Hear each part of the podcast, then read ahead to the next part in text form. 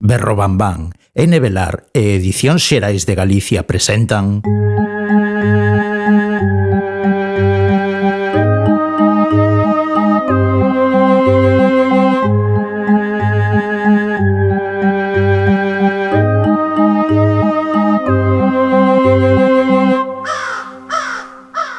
Trece avisos.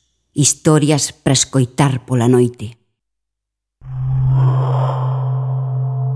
de cando en vez vemos o que non hai, ou polo menos o que non hai para o resto, pero sí para nós. Pode ser por efectos ópticos, por un reflexo, por un golpe que nos demos na cabeza, por un exceso de imaginación ou de suxestión, polo que sexa. E nós, que sempre cremos lo que vemos, temos medo de que exista realmente esa forma monstruosa, esa fantasma que se nos apareceu durante o tempo dun pestanexo.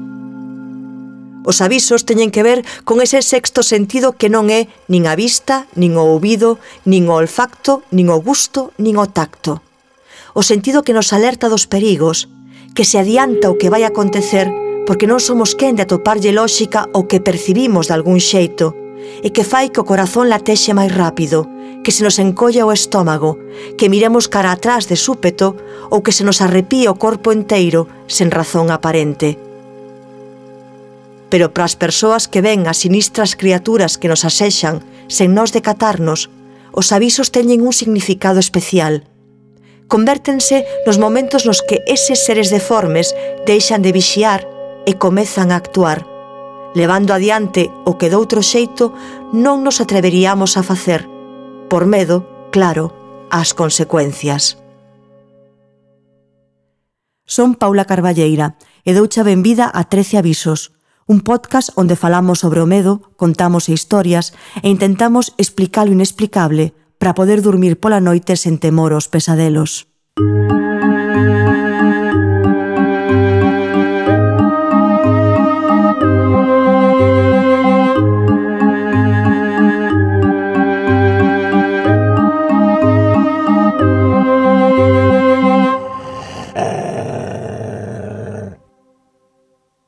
un coello cun coitelo.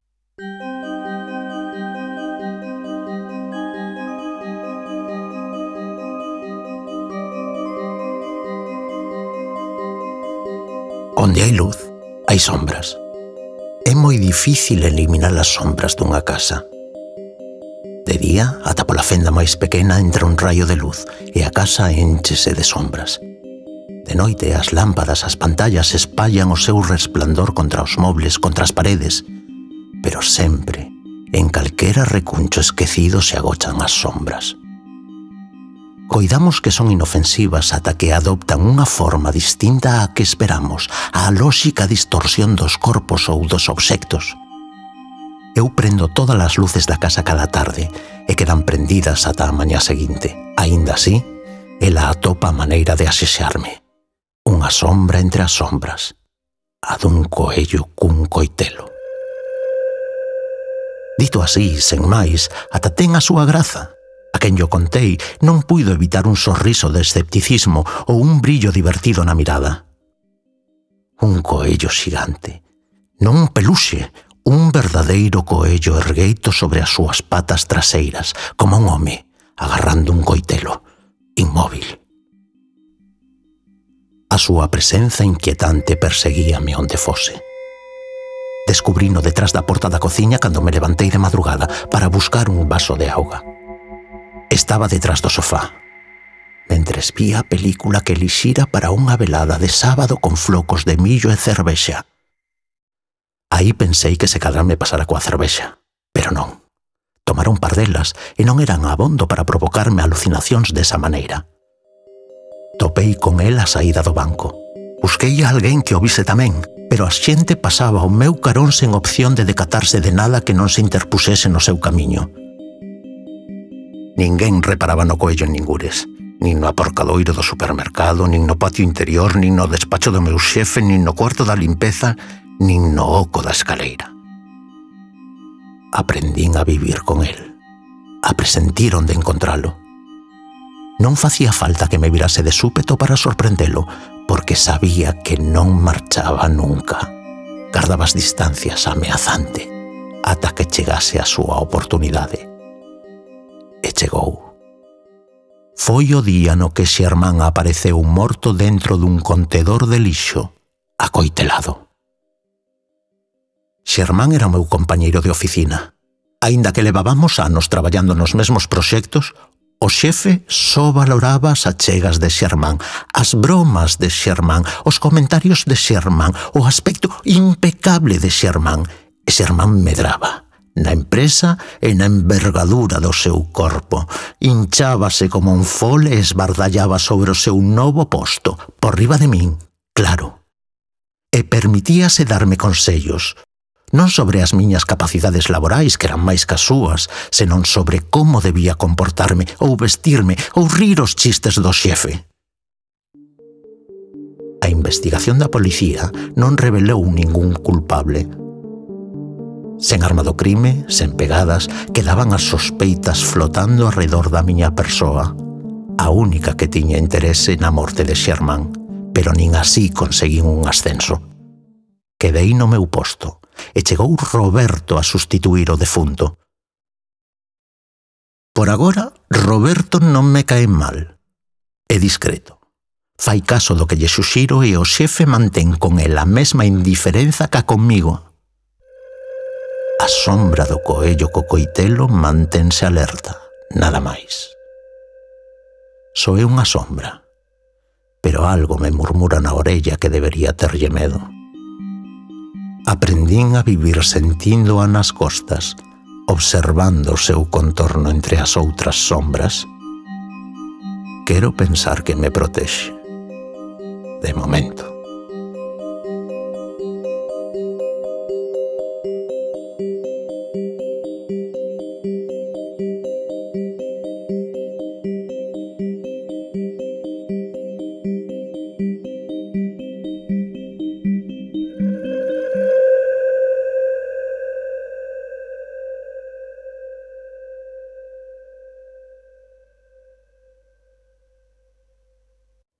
Non está mal sentirse protexida polas sombras. É moito mellor que sentirse ameazada por elas. Mágoa que ás veces non poidamos escoller o que imaginamos que se agocha na escuridade.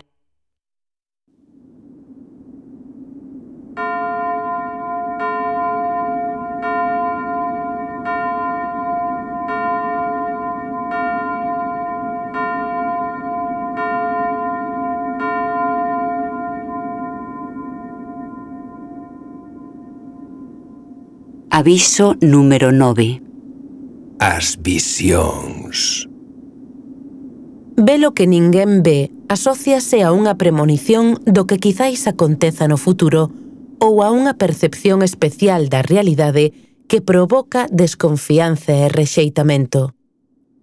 Por iso, a miúdo, as persoas que teñen visións non as contan. Teñen medo a ser consideradas perigosas, extrañas ou tolas.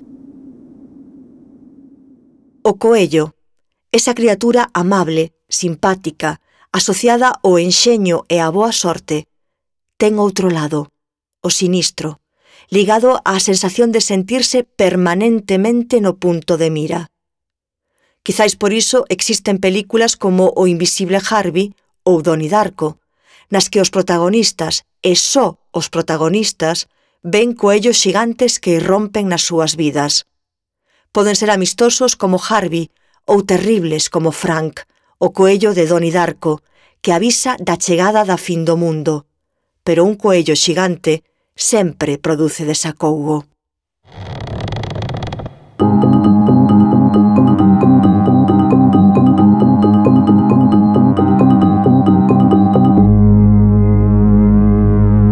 Historias do ataúde. Estamos na sección Contos do ataúde esperando para ver que microrelato lemos hoxe. Primeiro temos que abrir o ataúde con estes efectos especiais que tanto nos gusta facer.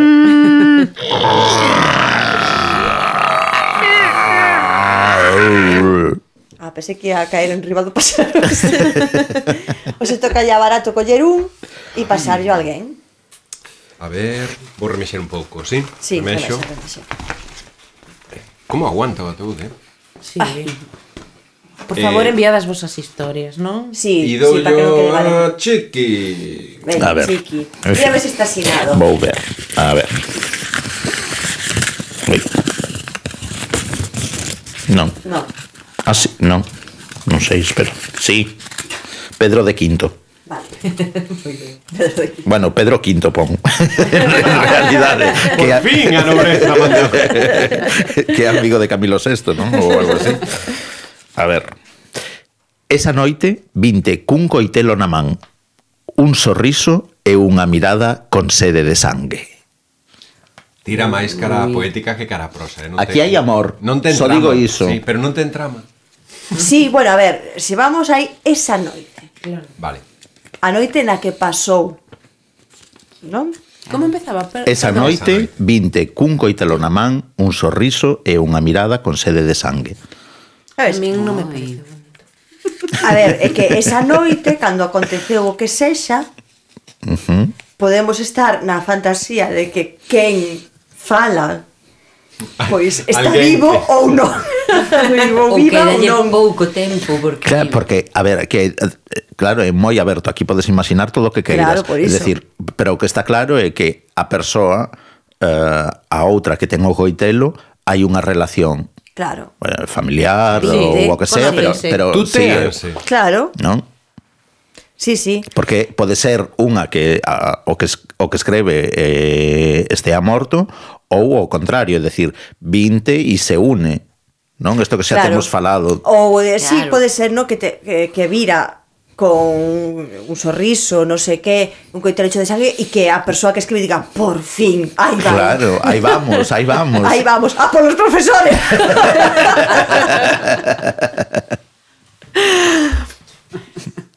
claro, é que sí, eh, pode ser esa interpretación, ¿no? que, que vexa a, a outra persoa.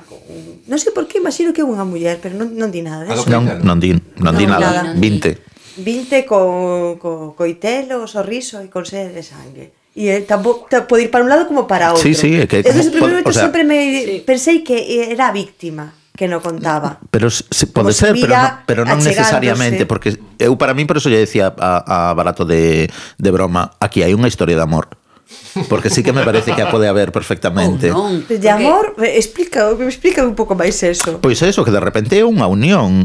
Unha eh, unión en que sentido? Claro, pois, un deles é un asesino. E por fin o outro eh, ten ganas de matar claro. ah, por fin temos isto en común. Claro. E vamos, podemos facer algo en ah, común. Ah, vale, non entendía. Por fin unes ao meu club. Non claro. entendía. Eu non entendía. Que malas persoas sodes. non, a min pareceme que de repente ve o seu compañeiro como como un peligro, un asesino. Claro. Esa noite Vinter, tamén pode, tamén pode ser, pero para mí non, non necesariamente mí, pode ter esa, le, esa leitura, pode ter a, esta outra de eh, Bonnie and Clyde, digamos, sin leválo así a cousas uh, misteriosas ou tal. Fora de calquera tipo de interpretación, ver alguén con coitelo na man, un sorriso e sede de sangue Bueno, sí, malas tres cousas. Claro, hombre, obvio, pero é que non pero te depende, quita ollo. pero depende de donde Uh, aí isto xa o post tip, aí eso xa pos claro. Pero depende depende do do mm, de quen de quen sea o personaxe que fala. Sí, sí, sí, sí. Esa, esa é a cuestión, é que eu estou tentando porque teño a sensación de de ter un referente eh fílmico, sabes? Ao que nos leva este conto que dache para efectivamente si, sí, si sí que eu que estaba escéptico co conto dicindo, pero isto non ten trama, non ten unha volta, non ten Sí, ten. Sí, porque sí. ademais depende da imaginación, pode ser o comezo dunha historia ou o final sí. dunha historia, como decías. Sí, sí, sí, sí. Entón. Claro, é decir, sí que efectivamente non ten unha trama, pero sí que O sea, sí que a situación dache para imaginar moita cousa. Uh -huh. Sí.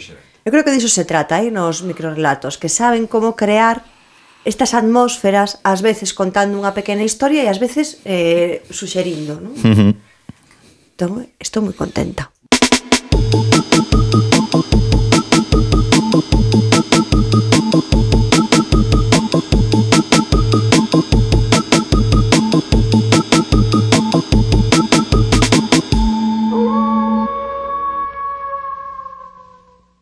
Voces desde o alén.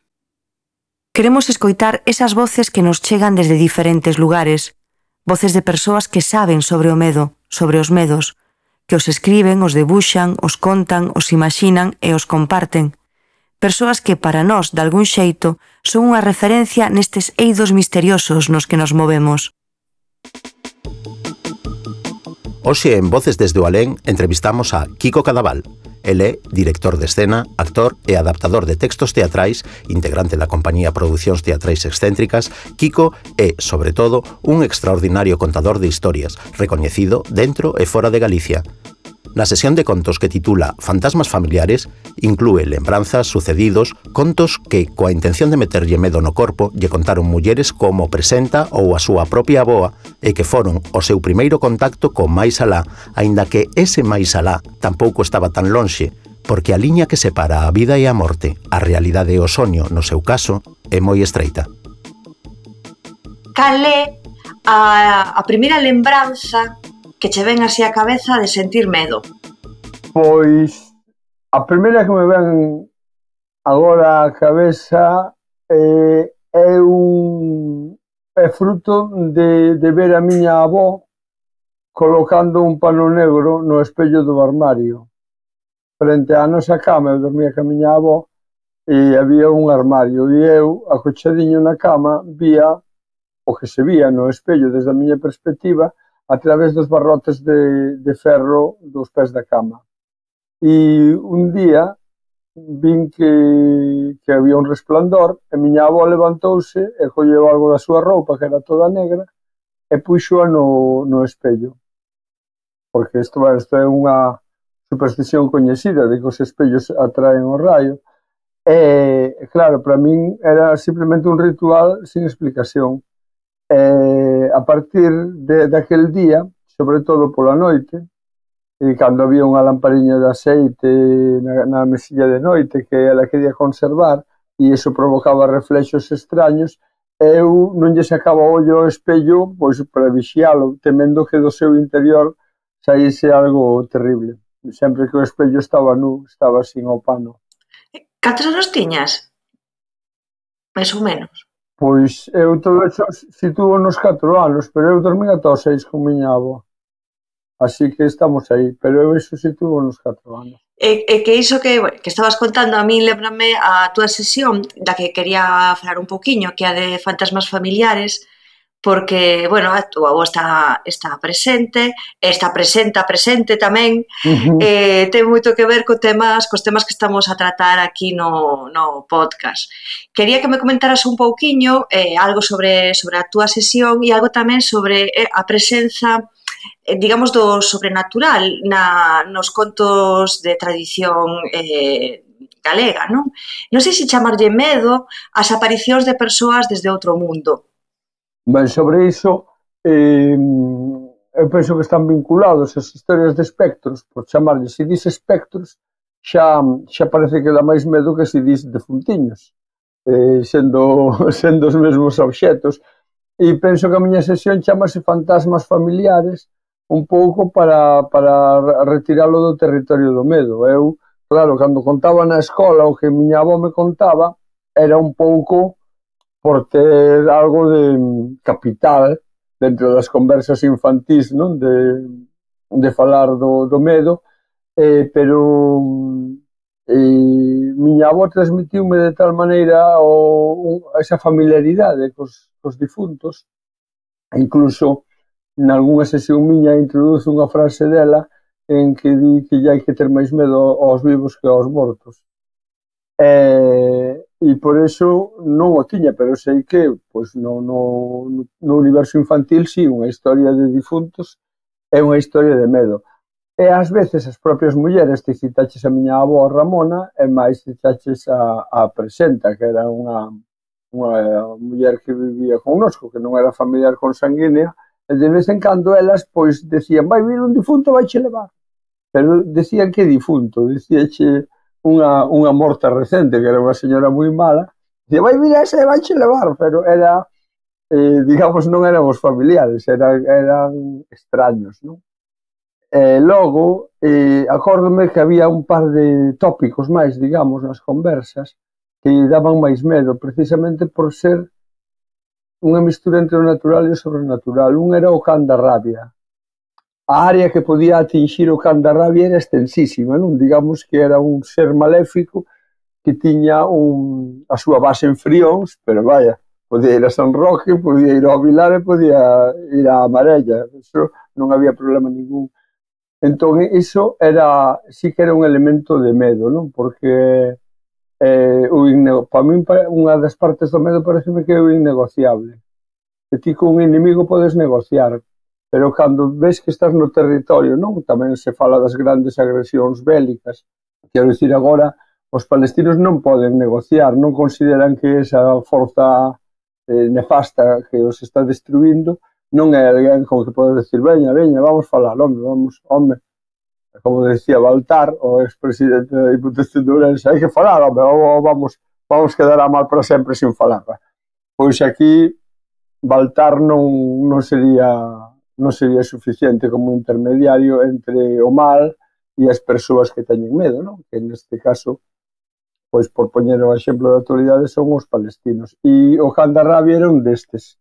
E logo había os, os tolos, que tamén é unha personaxe casi é casi mítica, porque o tolo é alguén que pasa, que non ten familia, porque se alguén está tolo na familia dos teus primos, pois é un familiar teu que está tolo. Pero un tolo que pasa por aí, que eran como se construía o medo para as crianzas, non? De, o medo aos descoñecidos, de non fiarse de. Entón había esa figura que se parece moito ao tolo do tarot. E finalmente o, o, o meu medo infantil que era un medo era ser enterrado vivo. E era porque a xente falaba disso.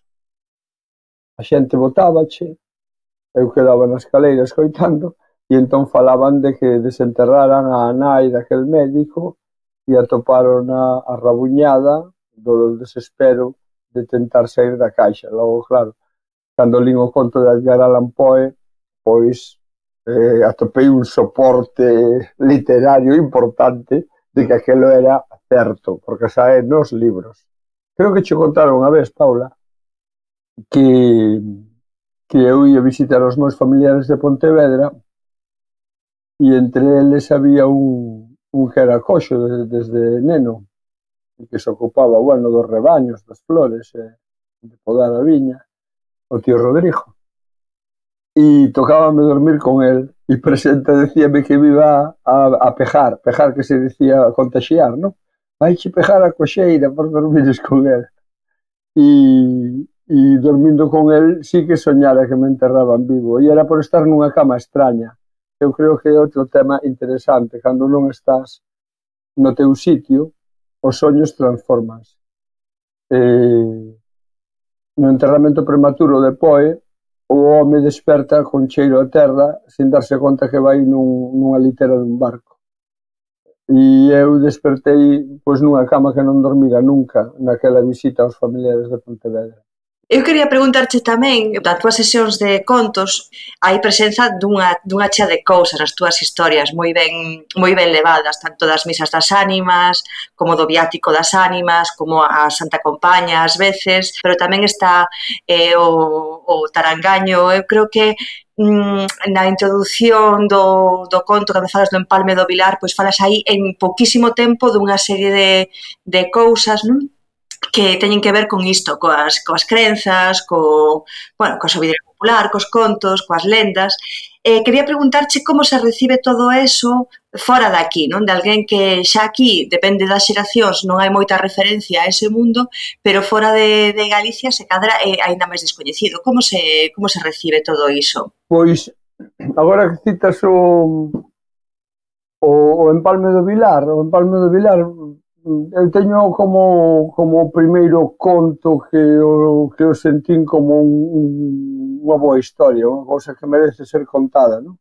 que ti xa sabes que é o noso principal motor, saber algo que creemos que merece ser contado. E, e logo, creo que todos os seus valores son accidentais, ou polo menos non decididos por min nin, nin polo narrador, por meu pai, o que me contou E, e o primeiro é que é un, un sitio onde hai catro saídas. Entón, é interesante porque porque o personaxe pode escoller.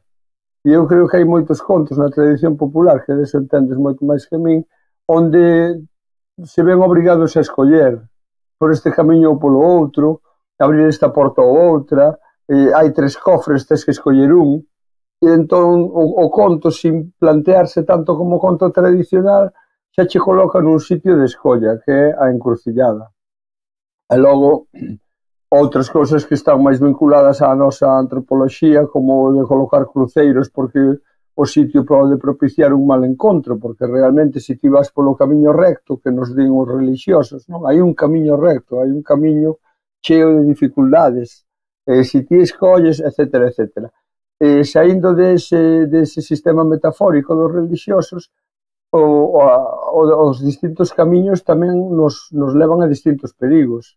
O conto é nocturno, e o conto é situado nun momento de pouca luz, quero dicir, hai un, un construto escenográfico por parte do, do, do narrador popular que non sabe en absoluto de que está a falar. Non? E logo, que pasa cando saio do noso entorno, incluso no noso entorno, cando saio das persoas que temos estamos familiarizadas, digamos, no entorno familiar con esas historias, que merece toda unha pequena explicación. E despois, o teu talento, o teu traballo depende se vas colocar ao final, se a colocas ao principio nunha introducción, ou se interrompes o curso do relato para pôr un, unha nota de rodapé. Eh, Entón eu acostumeime moito a explicar as cousas e eu penso que foi de sair fora de Galicia. Sair fora de Galicia teño que explicar a Santa Compaña. Ainda que de repente vai haber catro entre o público que cabecean, que si sí. os lectores de Valle Inclán, por exemplo, que escasean moitísimo, que nós temos a idea de que todo o mundo do, do contexto da cultura castellana saben quen é Valle Inclán, non teñen nin puta idea, que é un autor moi ben descoñecido, como decíamos nós en Shakespeare para ignorantes, un dos autores mellor ignorados da literatura en español. Eh, pero incluso se si non lees a Valle con atención ou a Torrente ou incluso en algúns contos de Pardo Bazán eh, non, non, non te faz que a idea da compañía non? De, porque Valle Inclán chamalle la Oeste chamalle la siniestra, procesión, eses insultos de valle. Tamén é verdade que na miña casa casi sempre se decía compaña, eh? o da Santa Compaña eh, non, non sempre apareceu o adxetivo. Entón, eh, sí, hai, hai un pequeno matiz, pero eu creo que o público que é de fora do, do contexto cultural noso agradece. -o. E parecelle estar asistindo algo exótico interesantísimo. E eu che quería, e tamén para pechar, facemos unha, unha pregunta común, unha suxestión común aos convidados e as convidadas, que é que nos contedes algo realmente arrepiante que vos acontecese. Se cadra algo que, que non lle atopas explicación a tanto medo como ti veches. E, como decía miña avó, que hai que ter máis medo aos vivos que aos mortos, eu que lle tiven máis medo eh, foi aos vivos eh, tuve unha época da miña vida que, que non lle tiña medo a nada por inconsciencia. Eh, e logo tive unha etapa moi timolato, que digamos que tiña todos os medos. Eu creo que unha, alguna vez conteiche que eu eh, chegaba a un apartamento que comprei, que aí é un pouco, creo que ten que ver co, co medo do territorio extraño, que é unha, unha casa que nunca considerei miña probablemente por esa razón, cando metía a chave na porta, non é un medo moi intenso, non é arrepiante, pero sí que pertence a, ao territorio do extraño. Non? E cando metía a chave na porta, eh, temía brevemente que ao abrir estuvese cheo de descoñecidos aquel sitio, facendo a súa vida. A mí parece un poquinho a, unha, unha forma do, do terror, ou polo menos do, do das instruccións para, para ter medo. Cando cando fixéramos a homenaxe a ao noso saudoso Xavier do Campo en, en Guadalajara, como el ten aquela colección de frases que cando petan a porta pola noite, que remata dicindo cousas ás que lle tes medo, e cando petan a porta eh, a última frase era cando non petan a porta pola noite, que é a, o medo á soidade.